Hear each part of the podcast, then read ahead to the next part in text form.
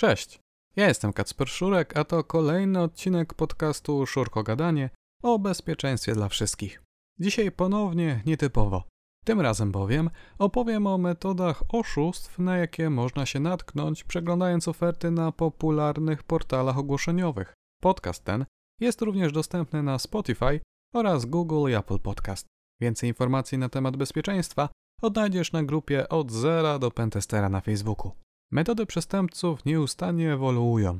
Jeszcze parę lat temu popularna była metoda na wnuczka, kiedy to do starszych osób zgłaszali się młodzi przestępcy, przekonując, iż są daleką rodziną i potrzebują pieniędzy. W ten sposób starsze osoby z dobrym sercem były okradane z oszczędności swojego życia. Ale najlepszy przekręt to taki, o którego istnieniu zdaje sobie sprawę niewiele osób. Jakie więc metody są stosowane obecnie? Najprościej jest okraść osobę, która posiada pewne określone cechy osobowości. Dlatego też często stosuje się pewnego rodzaju sztuczki już na etapie wybierania potencjalnych ofiar. Tak działają spamowe maile o nigeryjskim przekręcie. Przedstawiony tam tekst o domniemanym spadku po królu w Nigerii już na pierwszy rzut oka wydaje się zbyt piękny, by był prawdziwy. Ale jeżeli ktoś, pomimo takiej zdawałoby się czerwonej flagi, odpowie na tak przygotowaną wiadomość, istnieje spora szansa, że uwierzy we wszystko, co mu powiemy. Jak zatem znaleźć takie osoby na portalach ogłoszeniowych? Najprościej oferując coś za darmo. Często bywa, że gdy widzimy coś, za co nie musimy płacić, nawet gdy danego przedmiotu nie potrzebujemy, wygrywa nasz instynkt. Widać to szczególnie w różnych promocjach w supermarketach, kiedy to ludzie są w stanie stać w kolejce lub też prześcigać się w biegu po upragnione darmowe dobro. A więc przestępcy wystawiają wiele ofert na różnorakie przedmioty. Oczywiście wszystko za 0 zł. Ciężko dokładnie określić, jakie są to przedmioty. Zdarzają się bowiem różne rzeczy, tak aby można było trafić do jak najszerszego grona odbiorców. Mamy więc elektronikę, rowery czy też ubranka dla dzieci. Warto zaznaczyć, że takie osoby nie wystawiają tylko jednego ogłoszenia.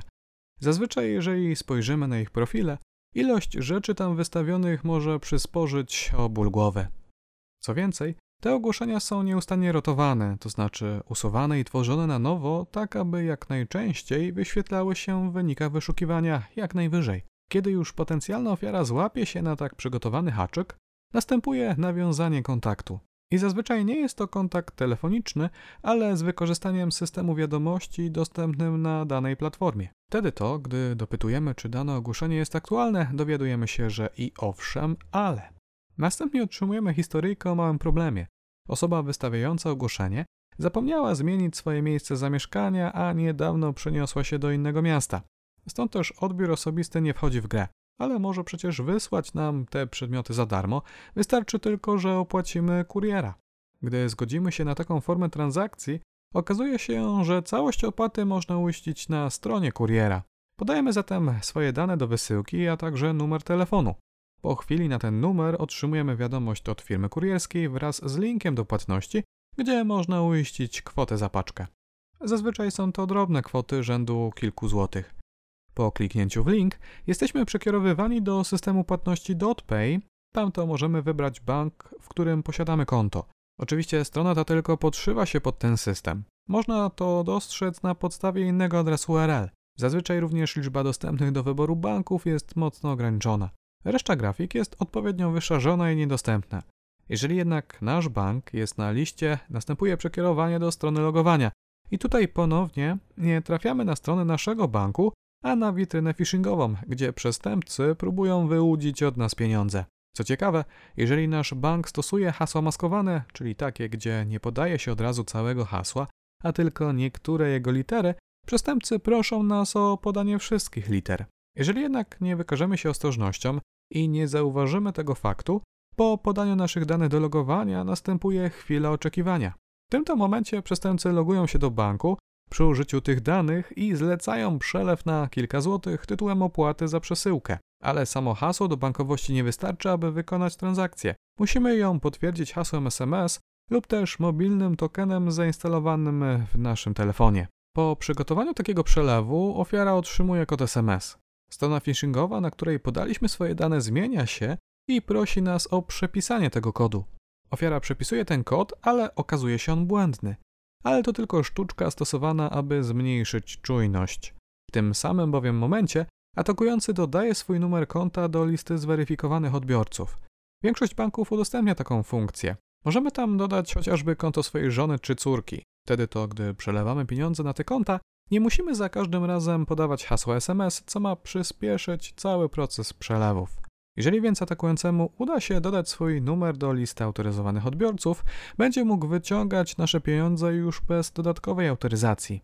Tylko, aby dodać nowego odbiorcę, potrzebuje kodu SMS. W treści wiadomości widnieje informacja, iż ten kod tyczy się dodania nowego zaufanego odbiorcy. Ale ponieważ już raz podaliśmy kod z wiadomości, który okazał się być błędny, ze stresu bardzo łatwo możemy przeoczyć ten komunikat. Przecież może nam koło nosa przejść taka okazja na darmowe produkty.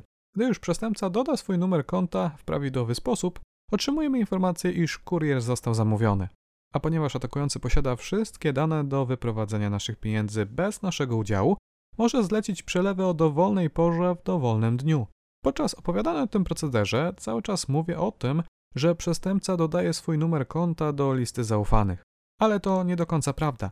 Technicznie bowiem nie jest to jego numer, a numer słupa, czyli osoby, która nie będąc tego świadomym współpracuje z przestępcami.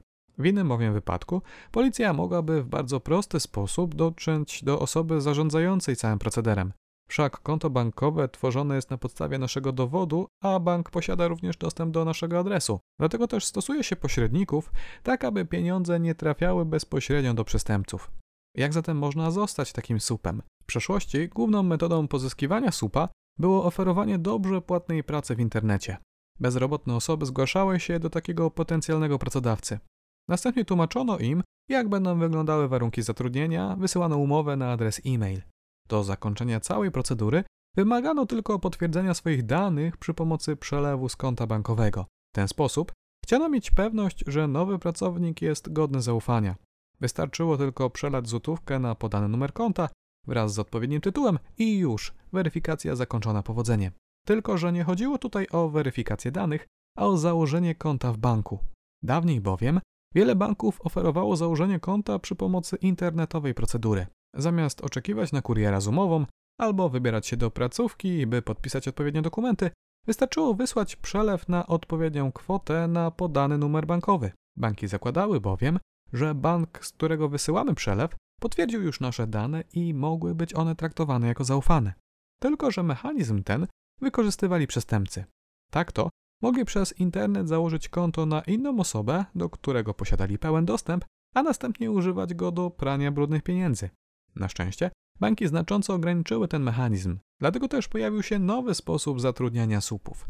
Proponuje się młodym ludziom współudział w zakupie kryptowalut. Schemat wygląda następująco. Potencjalny nabywca wpłaca gotówkę na konto słupa. Słup przesyła przestępcy kod BLIK, przy pomocy którego możliwa jest wypłata gotówki przez bankomat. Przestępca wypłaca gotówkę i otrzymuje czyste, wyprane pieniądze. Oczywiście słup za cały proceder otrzymuje pewien procent z całej kwoty. Dalej jednak nie warto brać udziału w tego rodzaju procederach. Wszak w przypadku jakichkolwiek problemów policja przyjdzie najpierw właśnie do takiego słupa, wszak to na to konto zostały wysłane wszystkie przelewy. Wspomniałem tutaj o Bliku. Jest to stosunkowo nowy, polski standard płatności, który ma być alternatywą dla płatności kartą. Jak działa ta metoda? Użytkownik instaluje aplikację mobilną danego banku. Po zalogowaniu się do niej może z jej poziomu wygenerować kod Blik. Zazwyczaj jest to 6 cyfr. Przy ich pomocy można płacić przez internet, jak również wypłacać pieniądze z bankomatu.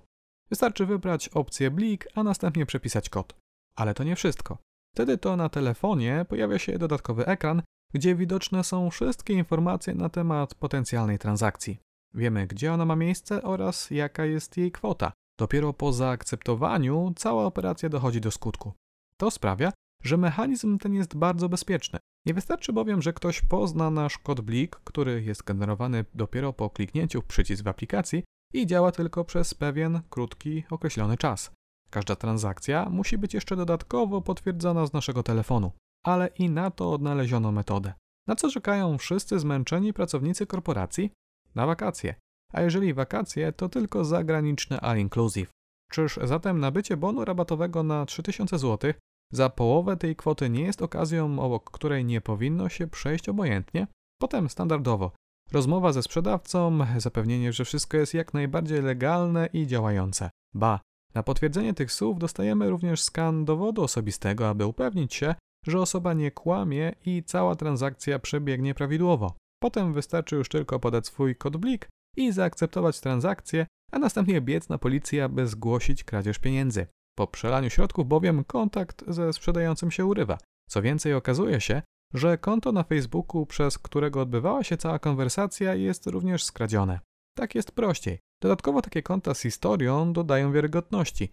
Widzimy bowiem, że ktoś jest aktywny, wrzuca swoje zdjęcia, bierze udział w rozmowach, podświadomie ufamy takiej osobie. Dlatego tak ważnym jest, aby konta w serwisach społecznościowych odpowiednio chronić skomplikowanym hasłem, a najlepiej dwuskładnikowym uwierzytelnieniem. Niestety, tak przesłane pieniądze są bardzo trudne do odzyskania. Przestępcy przy pomocy takich kodów blik doładowują wirtualne portmonetki. Potem tak zebrane pieniądze można wykorzystać na zakup innych wirtualnych przedmiotów, chociażby kodów do gier, które to następnie można sprzedawać na innych platformach aukcyjnych. A ponieważ podmiotów pośredniczących jest bardzo dużo, dojście kto, co i dlaczego jest praktycznie niemożliwe. Ale serwisy z ogłoszeniami to nie jedyne miejsca, na które musimy uważać. Podobne niebezpieczeństwa czyhają na nas na sklepach internetowych, których to reklamy możemy natrafić na Facebooku, Instagramie czy też e, innych platformach. Schemat działania takich fałszywych sklepów jest bardzo podobny.